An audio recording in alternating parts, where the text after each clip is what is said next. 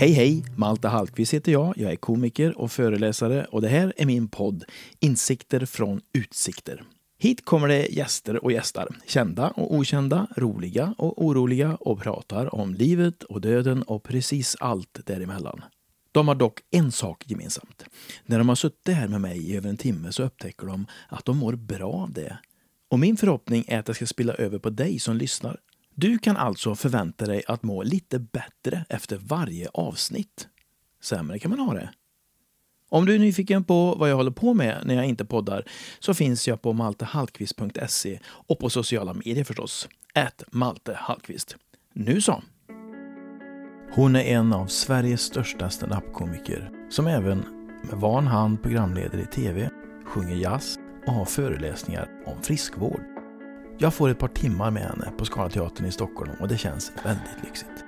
Vi pratar uppväxt, vi pratar bekräftelsebehov och vi pratar om kampen mellan Babben och Barbro. Kampen mellan självförtroende och självkänsla. Många sköna skratt och en och annan sanning utlovas i detta avsnitt. Men först, vad är det som rullar?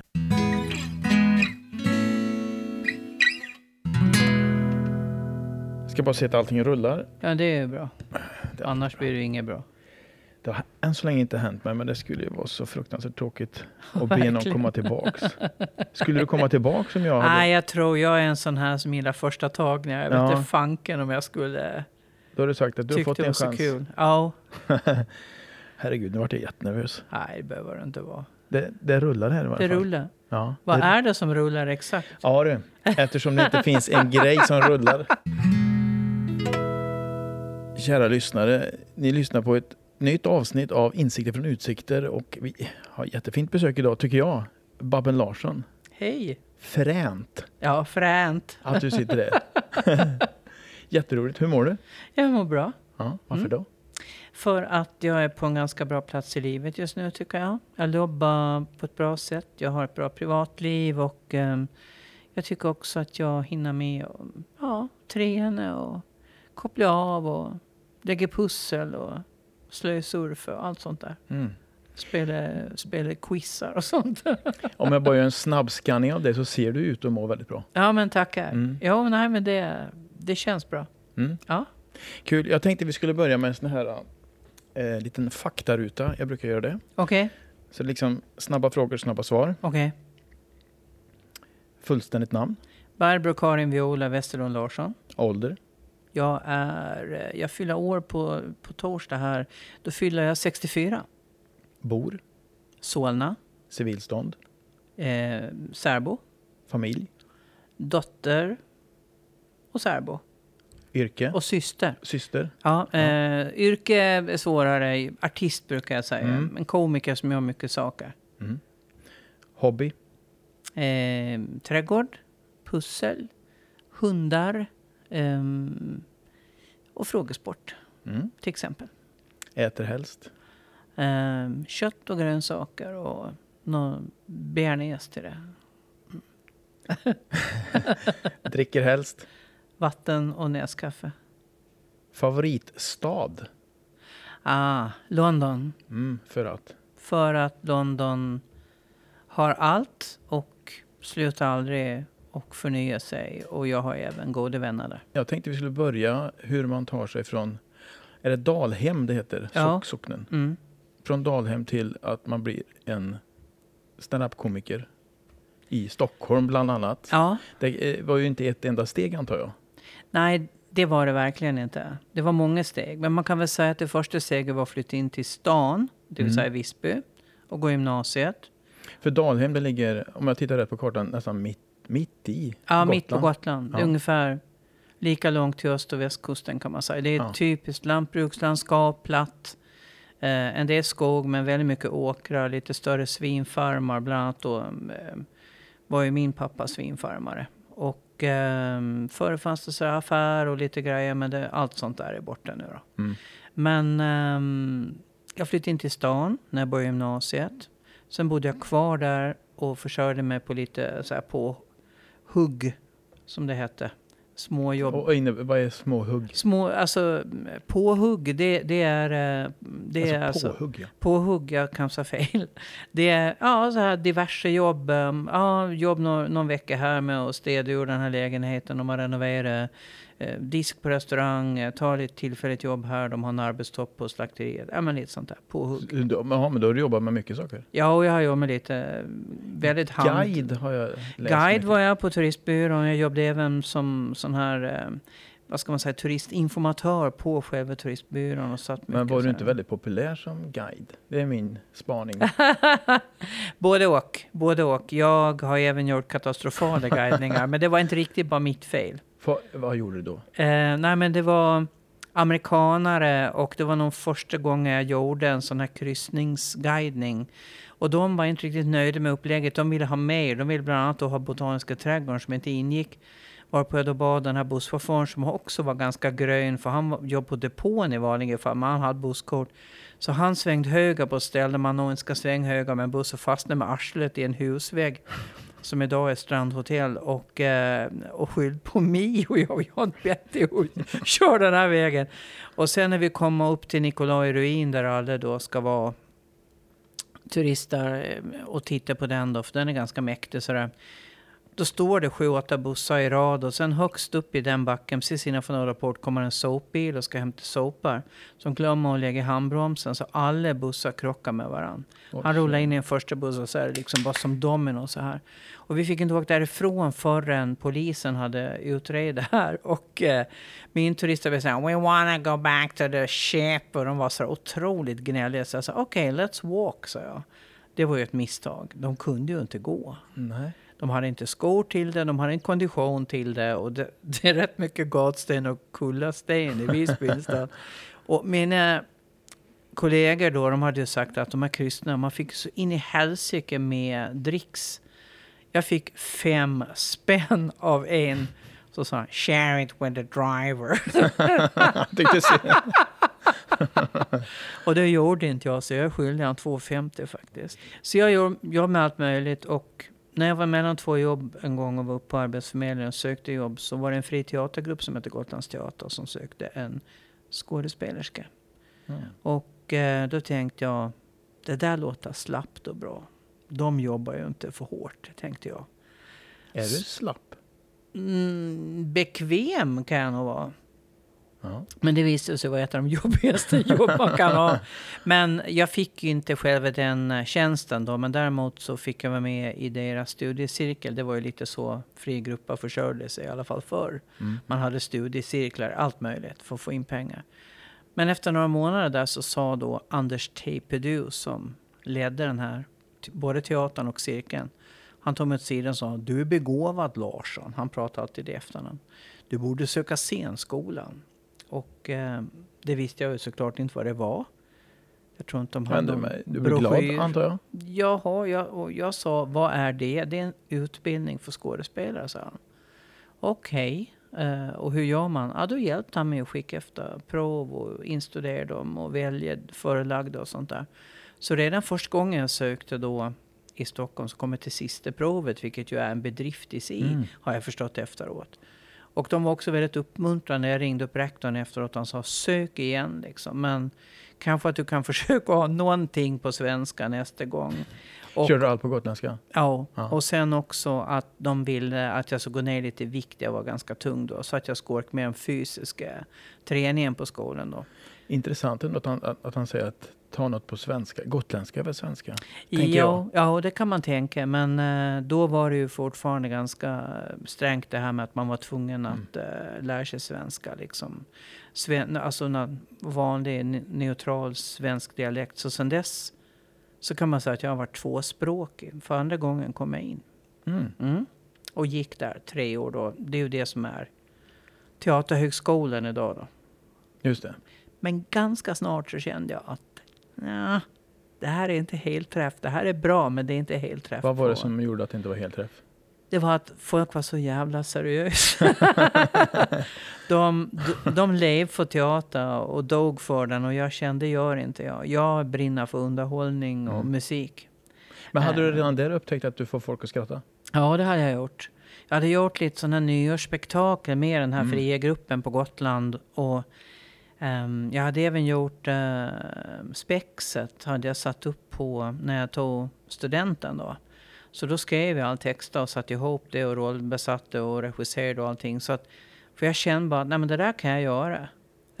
när frågan kom upp, ska vi inte ta upp spex igen? För du vet, det var 70-tal och man hade ju lagt ner allt sånt där. Mm. Studenten var ju bara borgerligt skit, man fick inte ens ha mössor liksom.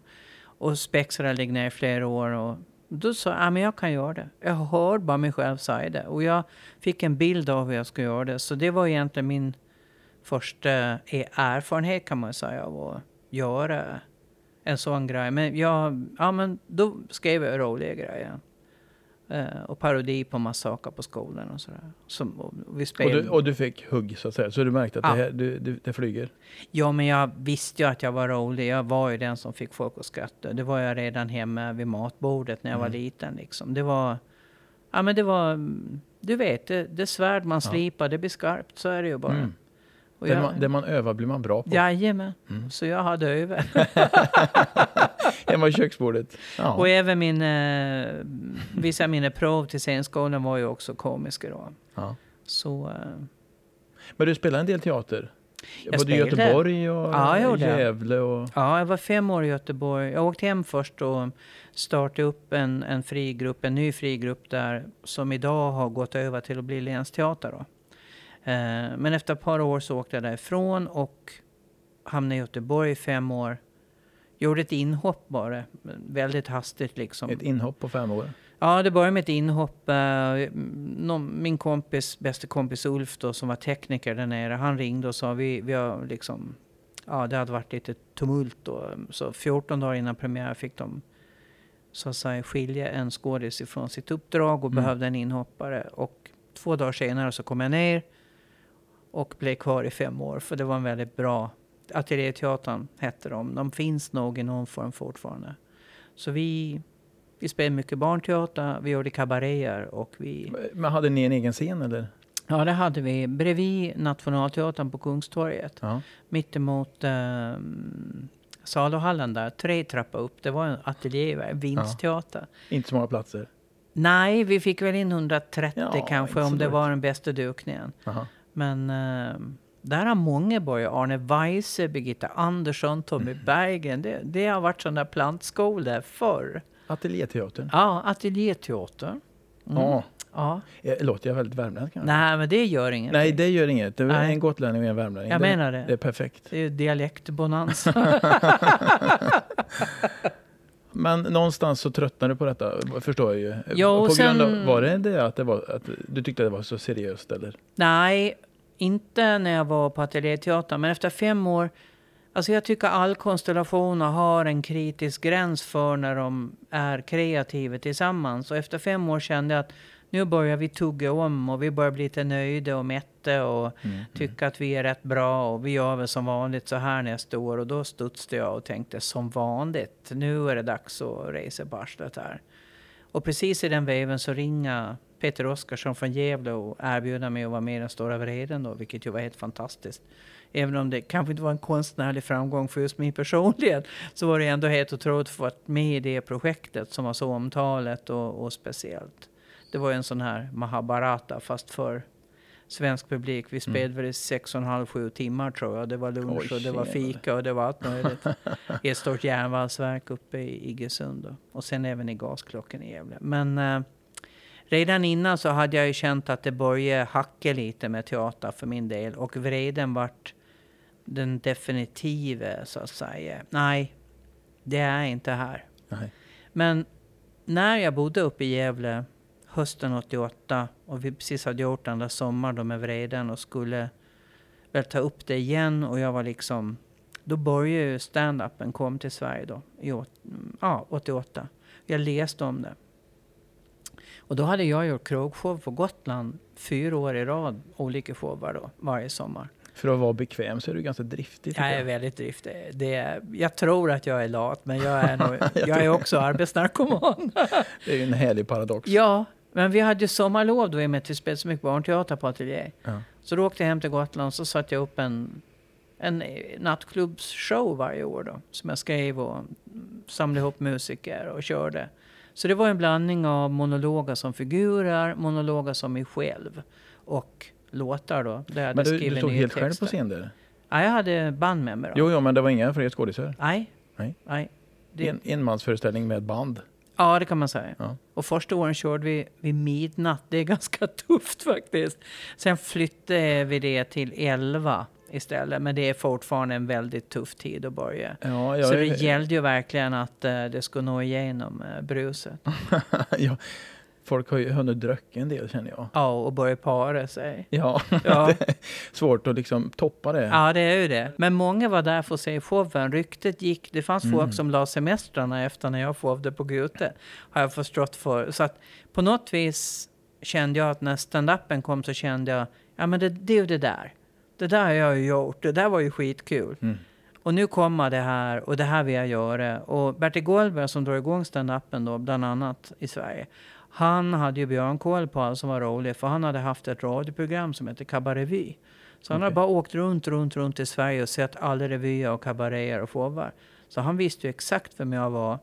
Så det tog ju inte alls lång tid innan han hörde av sig och sa, är du intresserad av att köra Mm. testa stand-up? Och jag bara, jajamän. Det var jag. Jag var så beredd. Och första gigget var i november 88. Gick inte hundra, verkligen inte. Jag tog några av monologerna, ståuppmonologerna jag hade gjort på Gotland då. Och så skrev jag till en ny rutin också. Och den nya flög inte så bra, men det gamla flög rätt okej. Och jag kände också, alltså, jag jobbar med Lasse Strömstedt då, bortgången idag, journalist, eh, kulturpersonlighet eh, och författare. Och eh, Jonas Hallberg var med, han var ju Mm. med i början där också. Och så var det Janne Bylund, för det var hans klubb då. Och jag blev väldigt uppmuntrad av dem och de tyckte för fan kör igen. Jag känt själv också att om jag om jag verkligen går in för det här, om jag verkligen eh, utvärderar och skriver och jobbar på det här, då kan det här bli min grej. Det kände jag nästan med en gång. Ganska snabbt så kunde jag säga, ja men jag måste tajta det här och det här, jag måste göra det här och det här. Mm. Jag fick en bild av vad jag kunde Knorra. Ja, knorre till, ja, Ja. precis. och ehm, sen därifrån så fortsatte jag. Och när alla klubbar som hade hinnit öppna det där första året då stängde till sommaren 89, då öppnade jag en egen på Gotland. Så jag fick vara klubbvärd. Som den bekväma människa du är. Exakt. Mm. Och jobbade då och satt och skrev material varje vecka i sex veckor. Skulle jag försöka ha då 10-15 minuter nytt material. Är ju, Varje dag? nej, förlåt, varje vecka. Ja. Jag är tankspridd idag. Nej, eller så hörde jag fel. Jag fick Ja. nästan eh, panik när du sa Nej, så nej, nej, nej, nej. Jag körde sex veckor eh, en gång i veckan. Mm. Men det var ändå mycket material att få fram varje vecka. Men Mm. några av de bästa... Men du körde 15 minuter? 15 ungefär blev det ju då. Och då visste jag att nu är det returning visitors här. Nu gäller det att ha nya grejer. Jag kan inte stå och tugga exakt samma som förra veckan. Så jag hade ju en hög, väldigt hög faktiskt, ambitionsnivå. Mm, det må jag säga. Och några av de bästa rutinerna som jag hade de där första åren, de skrev jag den sommaren. Mm. Ja, så. så där gick resan från Dalem till stand-upen. Sen kom Släng det i brunnen 90, 91 någonting. Mm. Och alla vi som var med där blev ju i princip stjärnor över en natt. Ja. Om vi backar bak lite. eh, För jag har läst, eller om jag har hört på någon podd kanske, att du eh, innan du började med allting, när du gick på typ högstadiet, Mm. gymnasiet, så har du uttryckt dig själv att, eh, att du var ganska elak. Att du tryckte ner folk. Inte hela tiden, men det hände då och då liksom. Jag mådde inte bra. Jag, jag, sen hade jag tyvärr en vass tunga, så att jag, Mm. jag vet inte. Jag hade väldigt svårt också att uttrycka att jag tyckte om folk, så jag kunde säga jättekonstiga saker. Istället för, Istället för, ja precis. kommer du ihåg Ja. något? Tyvärr gör jag det, men det är ingenting som jag eh, tänker säga här och nu. Nej, men jag kunde verkligen bara sådär trycka till folk på ett, eh, på ett inte alls speciellt positivt sätt. För det Ja, är man ju svårt att se nu när man ser dig. det kan man tro, men, eh, nej, men jag, hade, jag hade en rätt lång period eh, i början av min, eh, vad ska jag säga, vuxentid, alltså från nästan från gymnasiet. Alltså jag, jag var ju mm, hörde också ihop med tror jag, att jag var obekväm. Jag var klassresenär.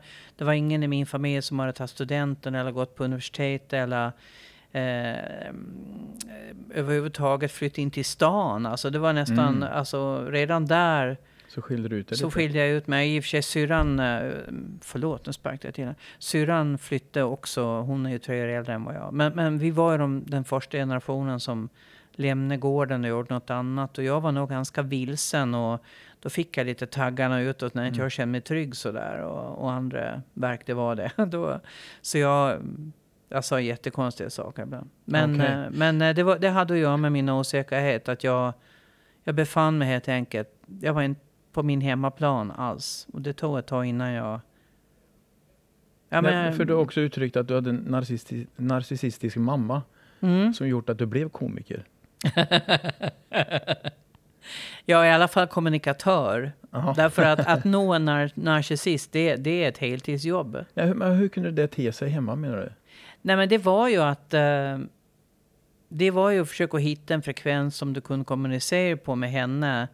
Det var ju inte den mamman du gick till om du hade problem av mer känslomässig karaktär. Utan min mamma hon var otroligt så här praktiskt lagd. Eh, så att eh, du lärde kanske hur du skulle göra ett visst broderistygn eller hur du skulle eh, plantera om en blomma eller hur du skulle lägga alltså alla de här praktiska, hur, hur man lagar mat, hur man bakar, hur man... Hon var otroligt mångkunnig liksom. Hon kunde ju ta en hel gris och förvandla det till en massa olika styckedelar och färs och allting. Hon var den... Men inte trösta dig? Nej, nej, Nej. inte alls. Och, ehm, och sen var det ju också det här att försöka kommunicera med någon som har sig själv så pass i centrum som hon hade. Det var, det var svårt. Men, Vad hände med dig då? Blev du arg eller ledsen? Eller vad? nej, jag gav upp.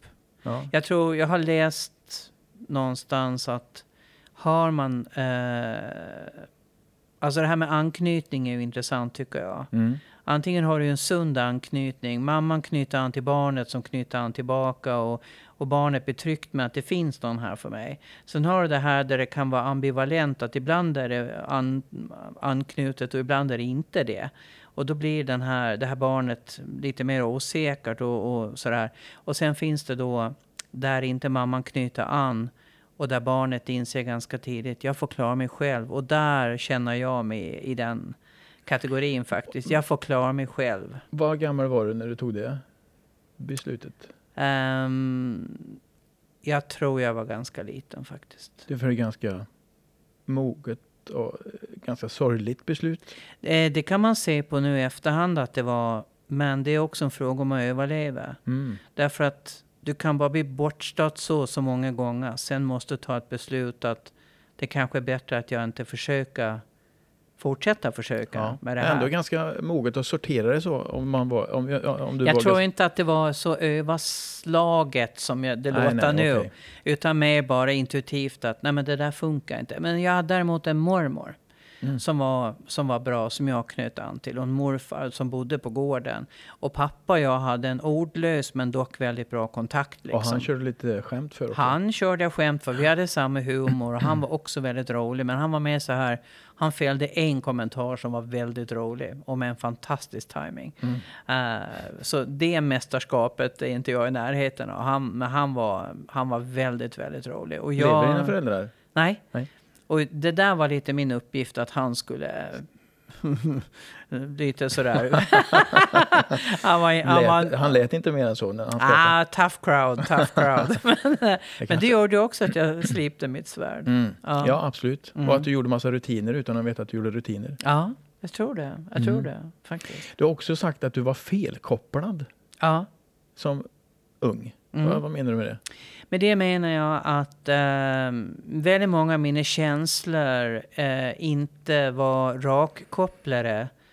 Så att om jag till exempel egentligen var ledsen så är det inte säkert att jag grät utan jag kanske var arg eller jag kanske gick åt någonting eller jag kanske eh, blev förbannad. Alltså, Mm. alltså, Svårt att kanalisera ut. Ja, precis. Det var inte rakt. Det var omkopplat allting. Och väldigt mycket var kopplat till att jag dämpade med mat. Mm. Så eh, det där la ju grunden till att jag eh, blev ätstörd. Liksom. Att, eh, Okej, okay, du är arg, du är ledsen, du är upprörd, du är, du är trött, du är uttråkad, whatever. Ät någonting. Så mm. det är någonting som jag har fått sortera upp som vuxen. Att, men nu är du på väg till kylskåpet. Varför det liksom? Vad känner du? Mm, okay. ja, kan jag leva med den känslan? Kan jag ta hand om känslan istället för att äta någonting? Så mm. det, det har tagit ett tag att veckla ut allt det där. Och koppla rätt igen. Och koppla om det, ja precis. Lite eh, måndagsexemplar. Ja, men jag, jag tror inte jag var sån. Jag tror det blev omkopplat. Eh, ah. Ja, jag tror inte jag föddes omkopplad. Utan För jag har det, kollat det, upp vilken, vilken dag i veckan du är född och det var en måndag. jag känner mig inte som ett måndagsex, men uh, ja, men just när det gällde där så kanske... Ja, så jag är född på måndag, där ser man.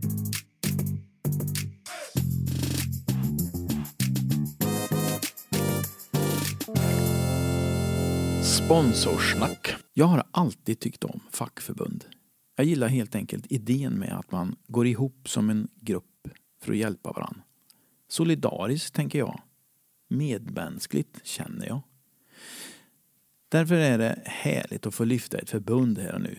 Dels har jag fått betalt för att göra det, men också för att jag tycker att det de gör, gör de väldigt bra. För väldigt många människor. På riktigt alltså. Jag pratar om fackförbundet Handels, eller Handelsanställdas förbund som de heter egentligen.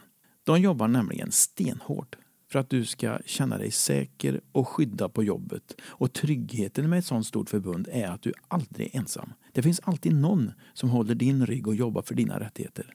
Ett gäng som slåss för din lön, för dina arbetstider och för dina rättigheter. Visst låter det vettigt? Gå in på handels.se och se hur du får tag i din lokala avdelning och gå med i Handels och våga vara en medmänniska. Handels, fackförbundet som visar på handelskraft genom att vara starka tillsammans.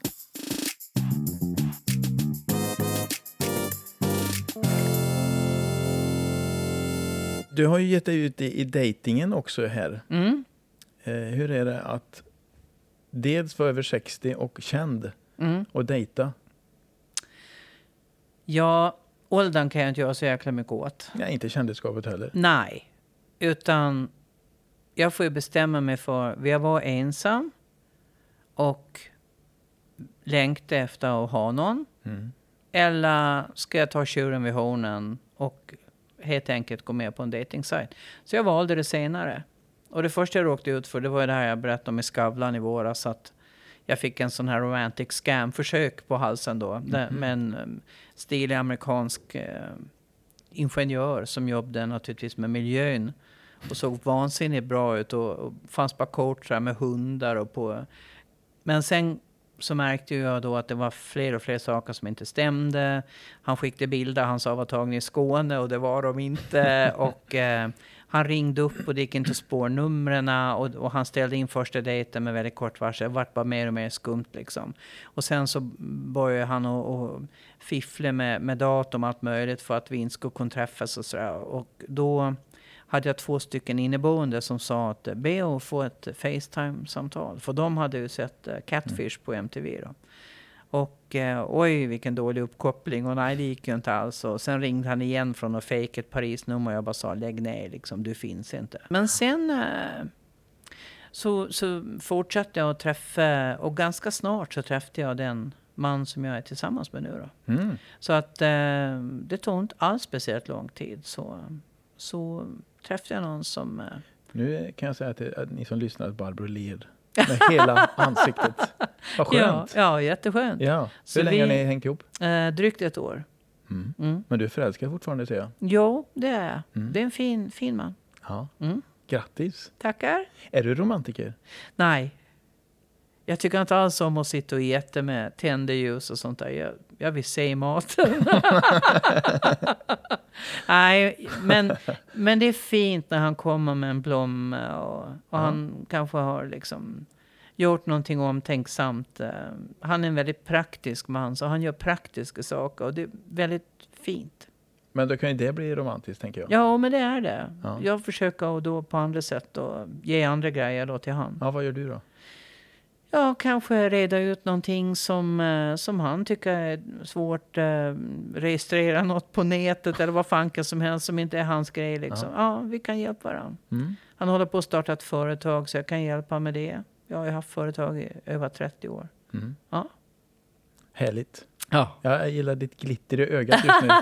Det ser bra ja. ut. Nej, men vi kompletterar varandra. Ja, Ja. härligt. Mm. Jag tänkte vi skulle ge oss in i det här med stand-up. För jag håller ju på med ungefär det du gör fast på en mindre arena. Mm. Och har funderat lite grann på vad, vad är stand-up egentligen? När övergår en rolig monolog till stand-up? Ja, det är svårt att säga exakt när det här sker. Men det som krävs är ju oftast att du ska vara själv. Du ska inte vara en figur. Eh, du ska prata direkt med publiken. Med dem, inte för dem. Och, eh, du Får ska man vara- ljuga? Ja, och det kan man göra om man är trovärdig. Ja, Och, eh, och så ska man vara rolig. Det är väl ungefär det. det är stand-up. Ja, det tycker jag. Vad är roligt då, tycker du? Det som är roligt det är det som jag själv tycker är kul och som jag också kan få andra att skratta åt. Om jag bara själv tycker det är roligt så, ehm, så är det ju fortfarande kul för mig men det kanske inte automatiskt blir stand-up då. För då har jag inte lyckats presentera det på ett sånt sätt för publiken så att de nappar på det. Nej, då får man knorra till det. Jag får knorra till det, stryk ner det, fix till det, hem och omgruppera liksom. Mm. Du har ju eh, någon bild av dig själv som jag tyckte var så fin, som jag inte kommer ihåg riktigt. Hur du skapar eh, skämt. Att du är någon slags skördetröska Mm.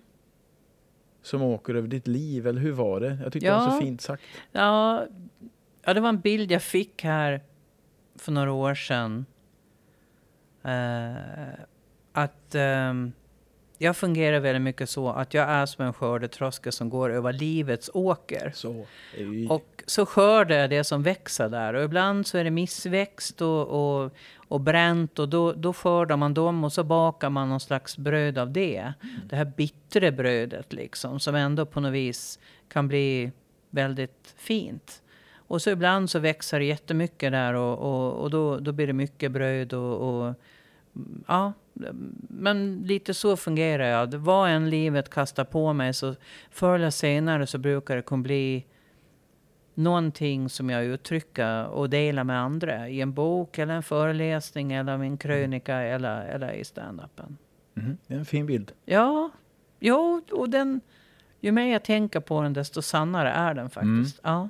Och kanske ganska lika för många Mm, eh, stand-up det tror jag. och komiker. Ja. Nu har du bara gett en bra bild. Ja, jag är ju lantbruksdotter så att jag, jag, fick den, jag fick den bilden. En annan spaning jag har gjort när det gäller skämt som du, du är ofta där och petar på getingbon. Mm, Eller åsiktsbollar, vad ska man nu säga? jag det? Ja, petar och så eh, gör du det rolig och folk Mm. skrattar. Men du ställer dig sällan i getingbo Nej, och tar en åsikt. nej. Vad beror det på? Jag tycker, för min del är det inte min uppgift att uh, tydligt ta ställning, utan min uppgift är att stå utanför och peka och säga, har ni tänkt på det här?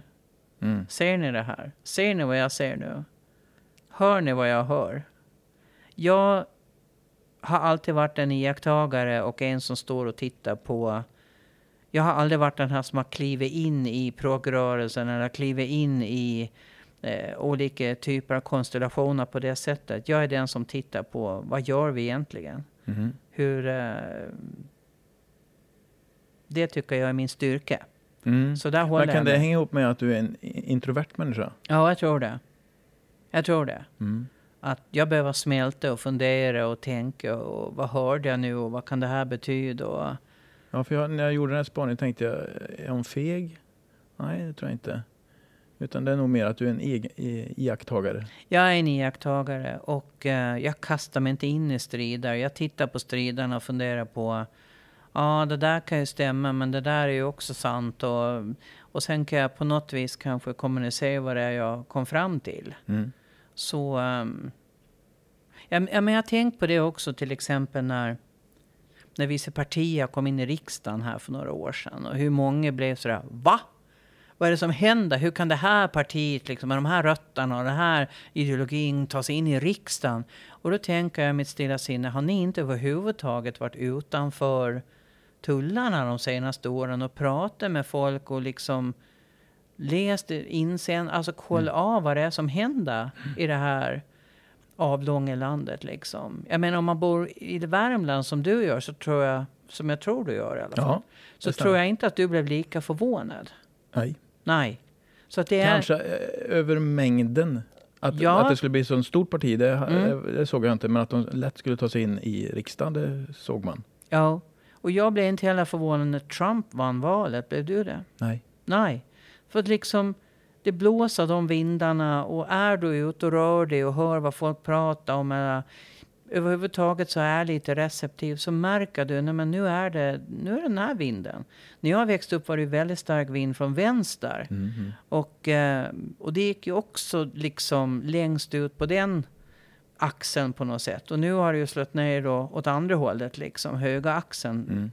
Hur långt ut vi nu ska, det får vi ju se. Men det kommer ju vända igen. Det är ju sådana pendlar med en ja, Absolut. 30-40 års liksom eh, mellanskillnad på något sätt. Mhm.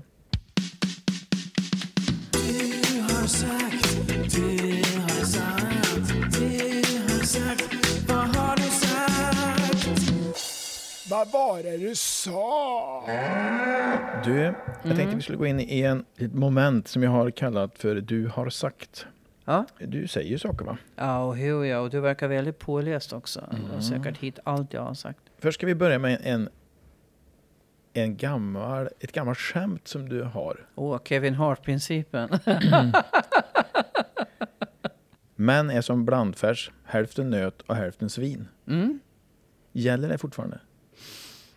Eh, det är ju väldigt tillspetsat. Mm. Men Eh, kul. men väldigt kul. Jaha. Ja. Just de här one-liners som slår rakt in i solar plexus kan jag vara lite förtjust i. Men det är klart att det är inte, vad ska man säga, eh, speciellt mycket eh, utrymme för tolkningar. Utan det, det var väldigt roligt när jag kom på det, men jag skulle inte köra det idag. Nej. Nej. Du, ja just det. Jag hade en fråga till när det gällde stand-up där. Mm. Hur länge kan du köra samma skämt? Hur, hur länge kan du behålla dem? Du som är så pass känd och är ute runt och... Det där är ju helt upp till en själv, men jag brukar tröttna själv efter ett par år. Mm. Jag har väl någon favorit som har varit med, som kanske till och med är 9-10 år, som är bara någon minut sådär. Som jag tar med ibland. Men annars försöker jag byta ut, ja, vad ska jag säga då? Få in i alla fall 15-20 minuter nytt varje termin om jag kan. Mm. Okej, vi återgår till det här då. Mm. Det är annorlunda att ha sex när man är över 60 år. Har du sagt. Ja. Ja. Hur då? Eh, det är ju ett upplägg till tre poängar som kommer sen. Och det här är ganska nyskrivet, så jag vill inte ens köra dem här. Men jag, jag gör mig lustig över det här. Okej. Eh, att eh, kroppen har blivit äldre, eh, man får hålla sig till sin partner på ett annat sätt och så vidare. Men ett av skämten är i alla fall, jag kan nu avslöja det, eh, det är bland annat det här att man byter ställning mycket oftare för att man får kramp.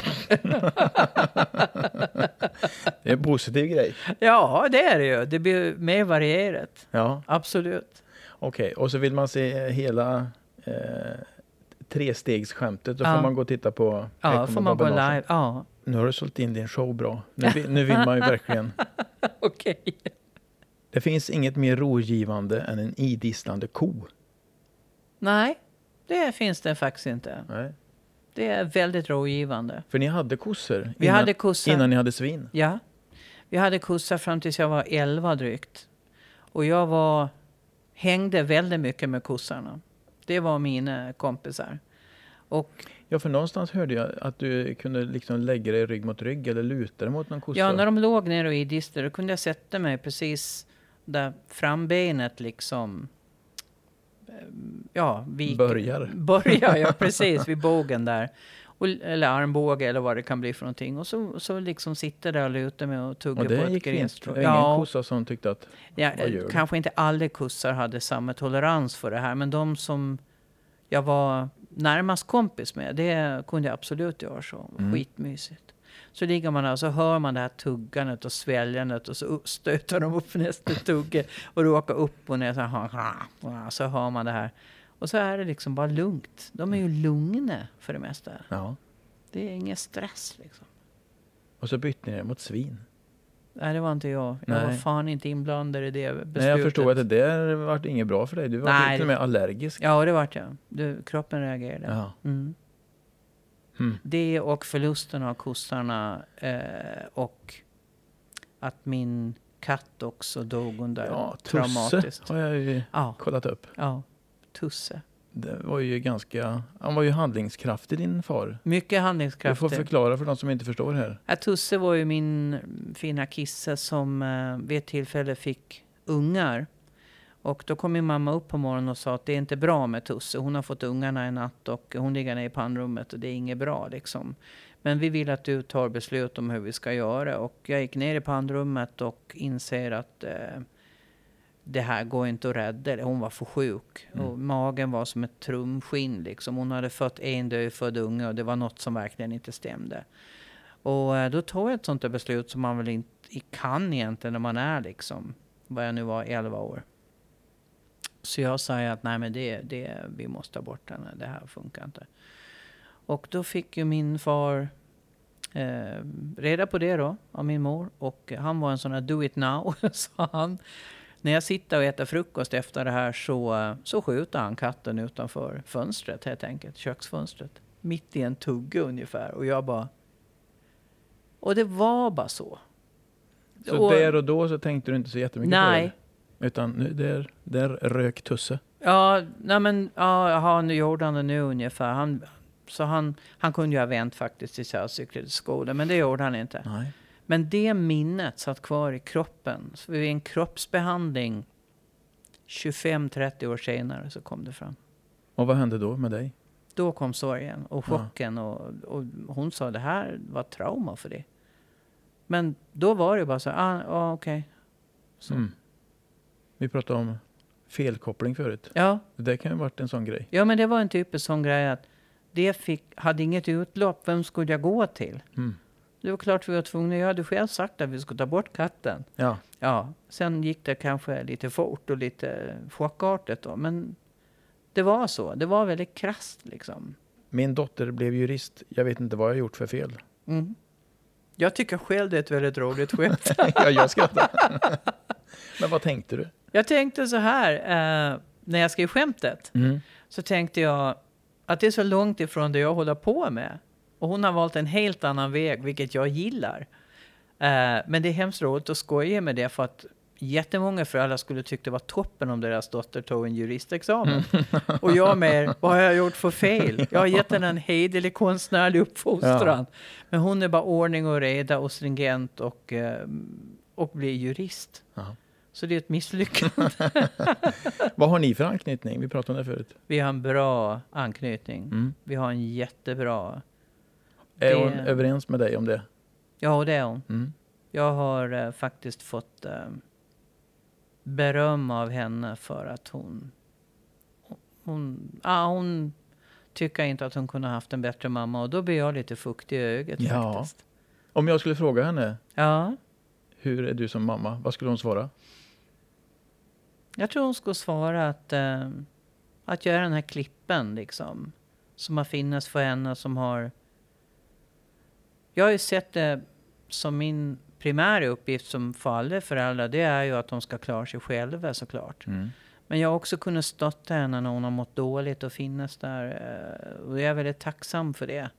Men att få höra att man är en klippa måste kännas som att man har gjort sitt jobb. Ja, men det känner jag nog att jag har gjort. Ja. Jag känner nog Känns att det jag, som en liten revansch gentemot eh, din anknytning till din mamma? Inte som en revansch, men jag tyckte det var viktigt att jag var en annan sorts mamma. Mm. Det var jätteviktigt för mig. Sen har jag varit borta mycket, men jag har varit hemma mycket också. Ja, och du Ja. har fått kvitto på att det har funkat. Ja, det har jag. Ja. Jag får kickar av bekräftelse, men jag har lärt mig att få bekräftelse av mig själv. Har jag sagt det? Du ser jätteförvånad ut nu, men ja. Ja, nej, men det kan jag nog ha sagt. Ja, men det... Ja, ja jag, eh, jag har nog varit väldigt mycket nästan beroende av arbete och bekräftelse. Det kan Mm. jag säga. Så pass att jag faktiskt funderar på att gå tolvstegsbehandling för det. Mm. det. För jag tror att jag har arbetat alldeles för mycket och det har varit för att eh, jag har kickat på det. Mm. Även mitt uppskjuta beteende jag kan ha i många lägen är en del av det här att jag skjuter upp tills jag får den här kicken av adrenalin. Nej fan, nu måste du sätta igång. Och att jag nästan drar det så långt Mm. och att jag kickar Men du gör det. det medvetet? Nej, det är först nu senaste året jag har börjat bli medveten om att det är så jag fungerar. Att jag bygger upp ett tryck för att jag ska få det här. Mm. Sparken i arslet. Mm. Det var därför jag började jobba i England på 90-talet. För att jag var så bekväm i min stand-up i Sverige så att till slut så tappade det lite grann den här nerven. Och då är ju inte stand-up... Alltså är det inte en utmaning och du är lite rädd ändå när du går upp, då, då, då får du inte den här kicken. Nej. Så varför inte åka till England då? Ja, för, alltså, det var en fråga jag hade. Om du blir nervös? jo, Mm. det ber jag. Innan ja, ja det ber jag. Skönt väl? Jo, det... Alltså för, när jag började med stand då var jag kanske nervös en, en månad innan Mm. gigget. Och hade diarré liksom Ja. eh, dagarna innan. Men vad är du nervös för? Är det att det inte ska skrattas eller att du inte Ja, ska komma det- ihåg text? Eller vad står det för? Det är olika. Nu när jag har så mycket nytt material så är det just att jag inte ska sätta liksom ordningen och få Mm. flowet. Eh, sen kan det vara att de är fulla eller det är sent eller de är få eller jag hittar alltid något att hetsa upp med. Va?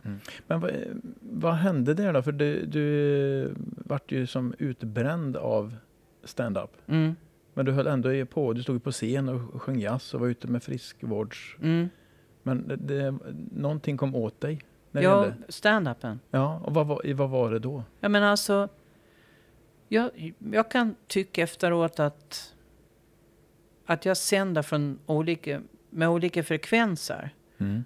Så stand-up är en frekvens, musiken en annan och föreläsningen en tredje. Och just den frekvensen brändes ner i botten så den gick inte att använda. Men det var inget med nervositet att göra utan Nej, utan tvärtom tror jag det var uttråkning. Adde Malmberg är som min bror.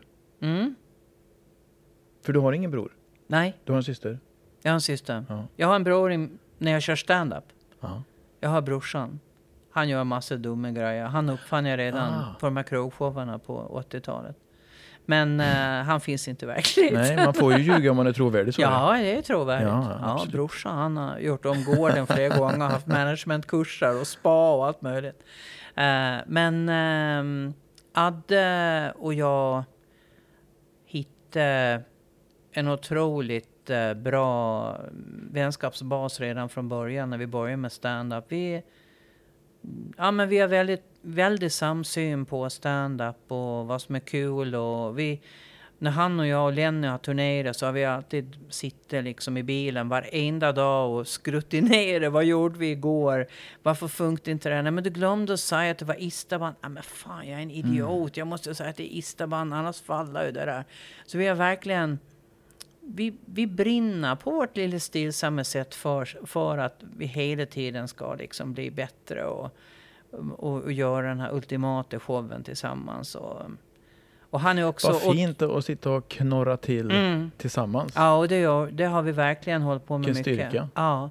Och sen också är ju um, Adde otroligt rak. Han har ju även regisserat mig flera gånger och ehm, både i ehm, den här pjäsen om Florence Foster Jenkins och eh, även min ensam show, den här Vad händer? då regisserade ju han. Och jag har, alltså finns fanken ingen jag litar på så mycket. För han, det är någon bullshit talker. Är det något som inte funkar, är det någonting som inte är bra, då säger han det. Mm. Och, och då blir det ju inga hard feelings heller. För liksom, man har ingen nytta av när man ska ha fram en bra föreställning. Att någon håller på och liksom tassar runt. Nej. Säg som det är liksom, Mm. så kan jag göra någonting åt det. För jag har nog ganska bra självförtroende i jobbet så att jag kan ta en sån grej. Liksom. Det, jag dukar inte un, under av det. Utan jag vill ju att det jag gör ska bli så bra det bara går. Mm. Och då... Du Det- hade en bra är kanon. polare. Ja. Mm. Vi stänger Du har sagt-lådan. Mina damer och herrar, det har äntligen blivit dags, inte bara för mitt och Maltes favoritmoment här i programmet i podcasten, utan jag gissar för er allas. Det har blivit dags för Tombolan!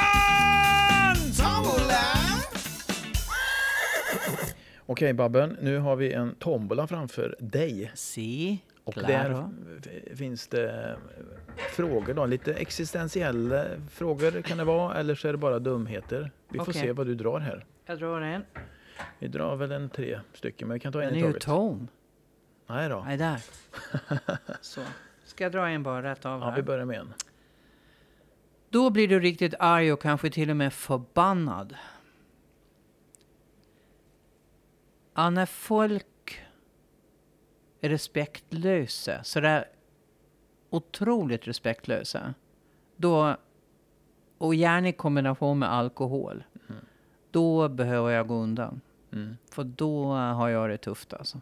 Då trycker de på knappen. Ja, de trycker på knappen. Det var senast här nu ett gig.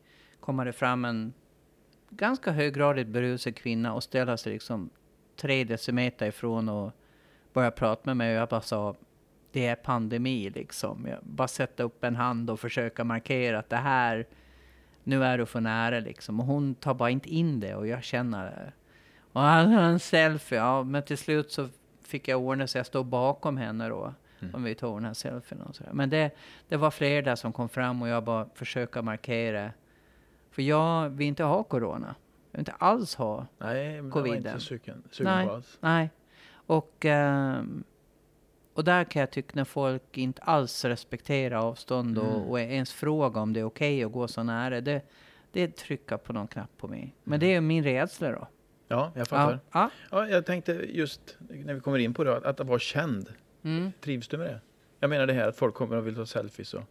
Jag har inga problem med det annars. Nej. Jag menar, det, ehm, det hör till jobbet och den dagen jag inte orkar med det, då får jag väl stanna hemma då.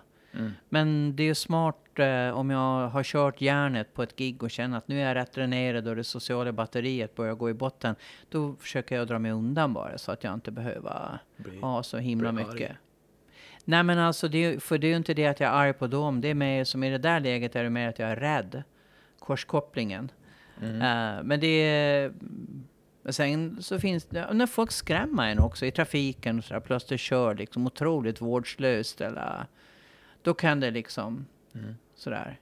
Men jag, jag har fått ett mycket, mycket jämnare humör senaste året. Framförallt faktiskt sen och äter socker och gluten. Det är en väldig skillnad i mitt tålamod måste jag säga. Och hur jag hanterar saker som, som jag förr kunde gå i taket för. Liksom. Det är eh, intressant. Mm. Mm. Ska jag ta nästa lapp? Ja. Jag har den i handen. Ja.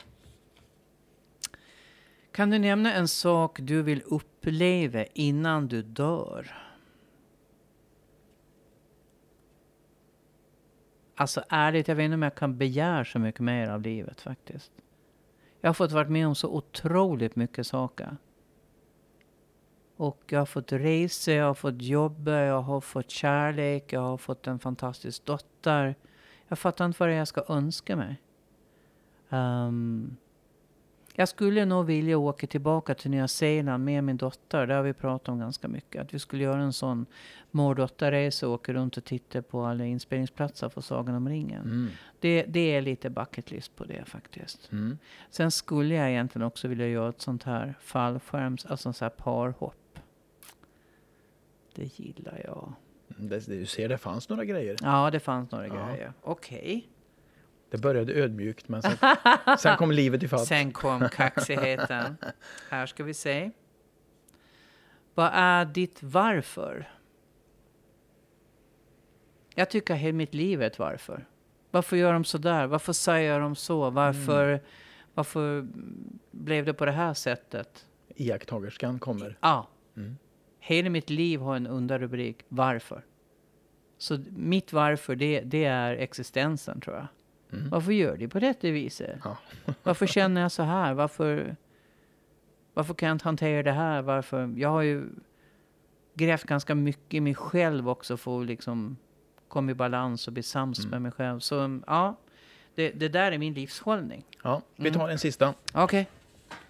Det är jättespännande. Ska vi se vad jag drog här. Vad är du rädd för? Ja, det gamla vanliga tror jag. Att, ehm, att det ska hända mina nära och kära någonting. Eller att jag ska bli sådär ehm, jättesjuk och ofärdig. Och, ja, men,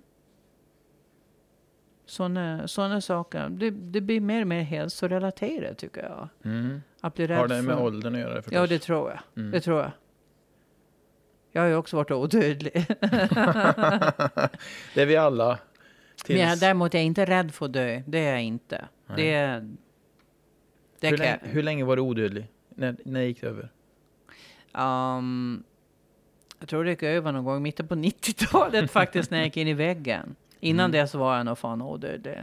När, när, vänta, din dotter är... hon är in- född in- 92. Ja, Mm. det kan ju också ha en grej. Ja, det kan det ju vara. Men eh, ja. Så. eh, men annars är jag rädd för också att inte just bli respekterad. Att folk ska um, säga massa saker om mig som inte är sanna. Alltså jag är nog lite så här kontroll. Jag vill ha lite kontroll på mitt legacy tror jag. att de inte kommer att säga sen. Men det också så skulle jag nog uppskatta om folk verkligen då har starka åsikter om att, som inte är så positiva med att, ja, men att de kanske då ger mig en chans att rätta till det, att de säger någonting. Mm. För att om jag går omkring och ett arsel, då vill jag ha reda på det. Då får Faktiskt. Adde Malmberg dyka upp. Ja, och då får jag fråga Adde. Mhm. Adde, är, jag, är jag ett arsle? säg som det är jag ett arsel? Vi stänger tombolan. Du sitter och skriver en, en bok. ja, Vad är det för bok? det vet jag inte ännu. Nej. Nej, jag vet inte riktigt vad det ska bli. Jag har inte fått den bärande idén. Jag har skrivit delar. Jag har ju skrivit en bok innan och den var en massa kapitel som handlar om saker som jag har tänkt på, som jag har varit med om, som handlar om vad jag tänker. Och jag har haft lite idén om att nej, men nästa bok blir nog också en sån. Men jag är ännu inte säker. Just nu är jag inne på ett resetema. Mm. Så att det handlar om resor, yttre och inre resor. Som jag har gjort. Är det så när du skriver kom, eh, komedi också att du inte riktigt... För det här undrar jag om det är så jättevanligt att man inte har någon slags idé innan man, Nej, men alltså jag, man fick skriva. jag fick bokkontrakt under värsta coronan där i mars när allting annat bara försvann. Mm. Jag menar, jag har ju en analog kalender där jag skriver med blyerts. Och det var snudd på att jag fick köpa ett nytt suddgummi till slut. Det är liksom, allting bara försvann. Och då kom det ett erbjudande att skriva en bok. Och då kände jag, ja men gud så bra, för jag har verkligen inte mycket annat att göra just nu. Nej. Och ehm, sen har jag fått lite annat att göra. Och sen har inte den här bärande idén kommit. Men jag har skrivit några kapitel. Jag har absolut skrivit en ingress. Jag har... ehm, men jag, jag letar ännu efter ett tema att ha som rubrik. Och jag skulle faktiskt ha satt mig idag och eh, jobba med... För förra gången, och det, tyck, och det gör jag även när jag gör showar, då sätter jag mig ner och gör mindmap liksom och associerar och, och kommer på grejer att skriva om. Och sen gör jag post-it-lappar och sätter på Mm. någonting. Och så har de en färg när de är en idé och sen har de en annan färg när de är färdigskrivna. Och eh, det jobbet får jag göra när jag kommer hem ikväll. För det står på dagens eh, att göra-lista. Ja, men du är en Mm. nattmänniska också, för du ska ju iväg på och spela in på minuten efter det Ja, här. och vi är färdiga vid nio och sen kommer jag hem vid halv tio kanske. Och sen har jag fyra timmar kvar att jobba. Så det är lugnt. Det är inga problem. Det är faktiskt inget problem. Nej. Framåt halv två, två brukar jag... Jag har försökt att skruva till det här men nu har vi precis bytt till vintertid så jag är ju pigg till två nu. Ja, men samtidigt så har jag, eh, för mig att du har lärt dig att du inte ska jobba ända tills du går och lägger dig. Ja, nej det gör jag inte. Utan eh, det sista jag gör det är mer att spela Quizkampen och, och Ja. eh, Wordfeud och sånt där. Det är mitt sätt att varva ner Mm. kan man säga. Mm. Mm. Så jag jobbar inte, nej det går inte heller för att hjärnan säger ifrån till slut att nej men nu, nu är det slut för idag. Jag jobbar mycket med den här eh, eh Pomodoro-metoden. Att jag sätter ett ägg ur och så jobbar jag 35 minuter. Och sen gör jag något annat. Jag reser mig upp och går och dricker vatten. Mm. Jag går och kissar, whatever. Mm. Eh, läsa morgontidningen om den har hinner komma. Innan du går och lägger dig. Eh, och sen så sätter jag den igen på 35 minuter och jobbar. Och då får jag inte göra någonting annat. Inte kolla mejlen. Det får plinga och ringa som det vill liksom. Ja. Det där, det där Du skaffar dig ganska bra rutiner. Ja, Alltså, det, det där är en bra grej. Det är, Ja. Jag älskar pomodoro-metoden. Den ska jag kolla upp. För ofta hinner du det du ska på en dag på fyra sådana med perioder. Alltså. Du Mm. hinner otroligt mycket om du inte splittrar upp det. Ja. Det är fascinerande faktiskt. Mm. Ibland kan man ju ta en sån period bara, röja upp kontoret och sortera in all papper. Det hinner man på 35 minuter. Men om man bara ja, stänkar lite hit och lite dit och oj vad papper, ja men jag sätter in det här, oj jaha nu pling, nu kom det ett mejl, du vet. Mm. Det blir inget gjort. Men om du verkligen så. Ja. Hur länge har du behärskat det där? Ja, den har jag nog haft. Den har nog varit med mig en 10-12 år i alla fall. Jag vet att jag skrev så förra gången. För jag kom på det här när det stod på min att göra-lista. Skriv ett kapitel. Då, då står det bara stopp. Men stod det skriv två sådana här perioder. Två Mm. gånger 35 minuter. Då, då skrev man bara. Idag, ja. Ja, Och då, det som kom, det kom. då hyvlar man ner den där tröskeln liksom att det måste bli någonting. Mm. Utan då står det bara, nej du ska bara skriva det, du vet. Det kan vara skit. Ja. Och, Men oftast blir det inte det. Mm. Nej. Utan du skriver. Därför att det står att du ska skriva 35 minuter. Ja men då gör jag väl det. Då tar du en post-it-lapp och sen kör du liksom. För att då tickar det också så att det gör ju också att du blir påmind om att nej, men just nu är det en arbetsperiod. Liksom. Mm. Jag gillar det jättemycket. Härligt. Ja, Eh, det var böckerna. Sen eh, fick du flytta ett helt år ja. På Ja. den här, eh, Ja. här kommer Babbel Larsson. Mm. Men den är färdig och... Nej, den är inte färdig. Nej. Nej. Där har jag ett annat bärande tema som, som eh, jag får se om det ännu känns aktuellt nästa höst. Mm. Annars så um, återstår den att skriva. Men det ska nog ordna sig. Det, ja, du blir inte nervös? Nej, inte. sånt? Nej, herregud. Det är över ett år dit. Eller Ja. under ett år är det nu. Men Det är Det är ändå s- en och en halv timme? jo, Eller? jo, det är det. Ja. Men jag tror att det jag fick fram nu kan bli en um, grundsten, flera grundstenar kanske till och med i den här föreställningen. För att det, en del av det materialet kommer att definitivt att byggas ut och uh, testas under det här året. Och Jag kommer, inte ha, jag kommer mest ha klubbgig. Mm. Och då kan man ju testa, fortsätta att testa. En del de Just testar ju fan ett år innan de kliver upp Mm. och har premiär då. då. Men eh, jag är ju mer... Det kan vara lite löst i kanterna när jag går upp på premiären. Jag pallar det. Faktiskt. Skönt att ha det i sig. ja, och det Va? är det Jag blir faktiskt. avundsjuk. När vi gjorde Vad hände? Då var det ju minst en låttext och säkert också lite mer stand-up som jag hade skrivit samma vecka vi hade premiär. Det är kaxigt. jo, men eh, jag ska få ett tips om du vill lära dig låttexter. Ut och gå. Då går man in dem. Mm. Det är skitbra. Man går i det tempot som låten går och så Ja. är det som att det bara ramlar in texten. Mm. Och är det något ställe du inte kommer ihåg, ja men då vet du, du, nu måste jag hem och kolla upp det där stället för där, där är, händer det något varje gång. Mm. Jag kanske behöver ändra ett ord där eller bara liksom få någon liten minnesregel för jag så kommer ihåg det. Mm. Mm. Du som sjunger Ja, jo. också. Mm. Och bra Precis. dessutom. Nej, men tack så mycket. Ja, varsågod. Tack. Ja, men det där är bra. För man har lite olika tekniker på att lära sig. Spelar man musikal och sådär med andra så tycker jag ofta är att fysiskt, alltså det blir muskelminne. När jag står där så säger jag det och så Ja, går jag ja, dit ja. och så säger han det. Och så. Gör man sceneriet så kommer man ihåg replikerna. Mm, det blir faktiskt. som en enda kake. Ja, Eller en lång orm. Man går Ja. in i en änden och kommer Nej, ut i den andra. fint. En lång orm. En lång orm av sammansatta rörelser, text och eh, röst och musik. Och, ja. ja, Men, men att göra stand-up är något annat. Men då har man sina rutiner, får man ta dem i, i ja, turordning. ja, det är Mm. lite annorlunda. Du kan inte få samma muskelminne. Då ska du röra dig väldigt mycket och illustrera fysiskt vad du håller på med. Mm. Det, jag, är, jag är lite för stillastående för det. Jag måste komma ihåg det. Mm. Matematik, Ja. läser du? Ja, Mhm. stämmer. För att? För att jag fick lust att göra det.